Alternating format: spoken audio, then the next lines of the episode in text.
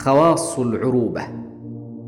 ولسنا مع هذا ننكر خواص الأمم ومميزاتها الخلقية فنحن نعلم أن لكل شعب مميزاته وقسطه من الفضيلة والخلق.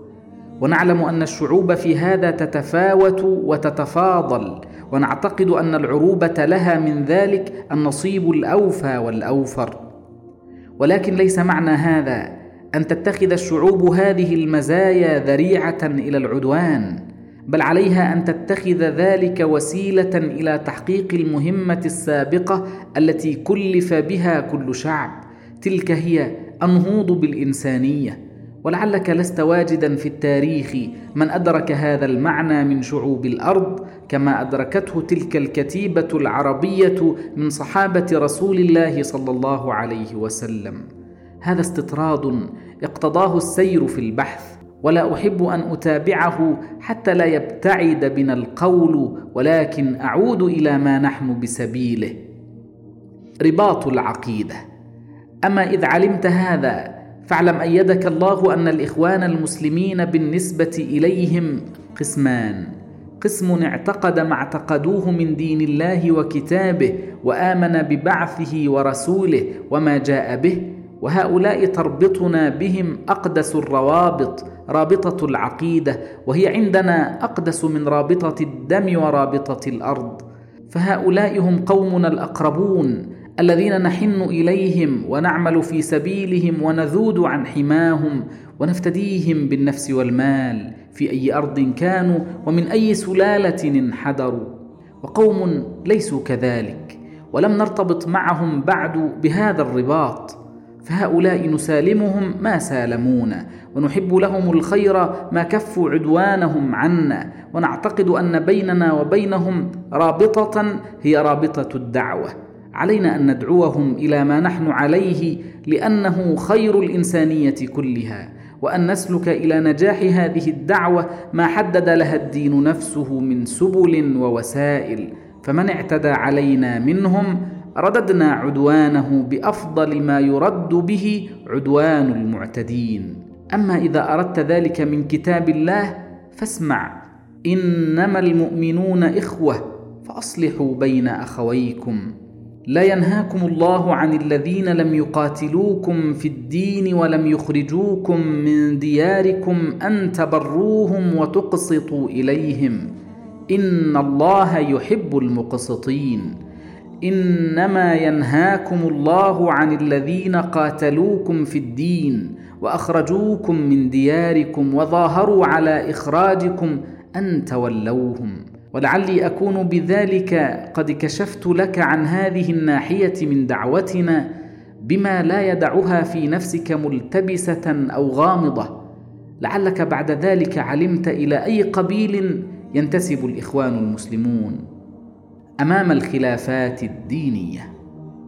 أتحدث إليك الآن عن دعوتنا أمام الخلافات الدينية والآراء المذهبية. نجمع ولا نفرق.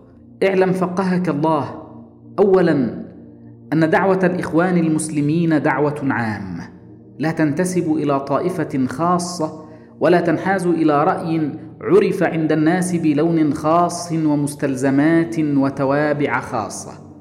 وهي تتوجه إلى صميم الدين ولبه وتود أن تتوحد وجهة الأنظار والهمم حتى يكون العمل أجدى والإنتاج أعظم وأكبر. فدعوة الإخوان دعوة بيضاء نقية غير ملونة بلون وهي مع الحق أينما كان تحب الإجماع وتكره الشذوذ. وإن أعظم ما مني به المسلمون الفرقة والخلاف وأساس ما انتصروا به الحب والوحدة. ولن يصلح آخر هذه الأمة إلا بما صلح به أولها. هذه قاعدة أساسية وهدف معلوم لكل أخ مسلم وعقيدة راسخة في نفوسنا نصدر عنها وندعو إليها. الخلاف ضروري ونحن مع هذا نعتقد أن الخلاف في فروع الدين أمر لا بد منه ضرورة ولا يمكن أن نتحد في هذه الفروع والآراء والمذاهب لأسباب عدة. منها اختلاف العقول في قوة الاستنباط أو ضعفه وإدراك الدلائل والجهل بها والغوص على أعماق المعاني وارتباط الحقائق بعضها ببعض. والدين آيات وأحاديث ونصوص يفسرها العقل والرأي في حدود اللغة وقوانينها والناس في ذلك متفاوتون فلا بد من خلاف. ومنها سعة العلم وضيقه وإن هذا بلغه ما لم يبلغ ذاك والآخر شأنه كذلك. وقد قال مالك لأبي جعفر إن أصحاب رسول الله صلى الله عليه وسلم تفرقوا في الأمصار. وعند كل قوم علم فإذا حملتهم على رأي واحد تكون فتنة. ومنها اختلاف البيئات حتى أن التطبيق لا يختلف باختلاف كل بيئة. وإنك لترى الإمام الشافعي رضي الله عنه يفتي بالقديم في العراق ويفتي بالجديد في مصر.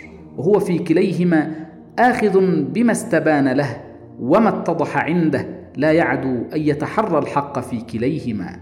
ومنها اختلاف الاطمئنان القلبي إلى الرواية عند التلقين لها فبينما نجد هذا الراوي ثقة عند هذا الإمام تطمئن إليه نفسه وتطيب بالأخذ به تراه مجروحا عند غيره لما علم عن حاله ومنها اختلاف تقدير الدلالات فهذا يعتبر عمل الناس مقدما على خبر الآحاد مثلا وذاك لا يقول معه به وهكذا.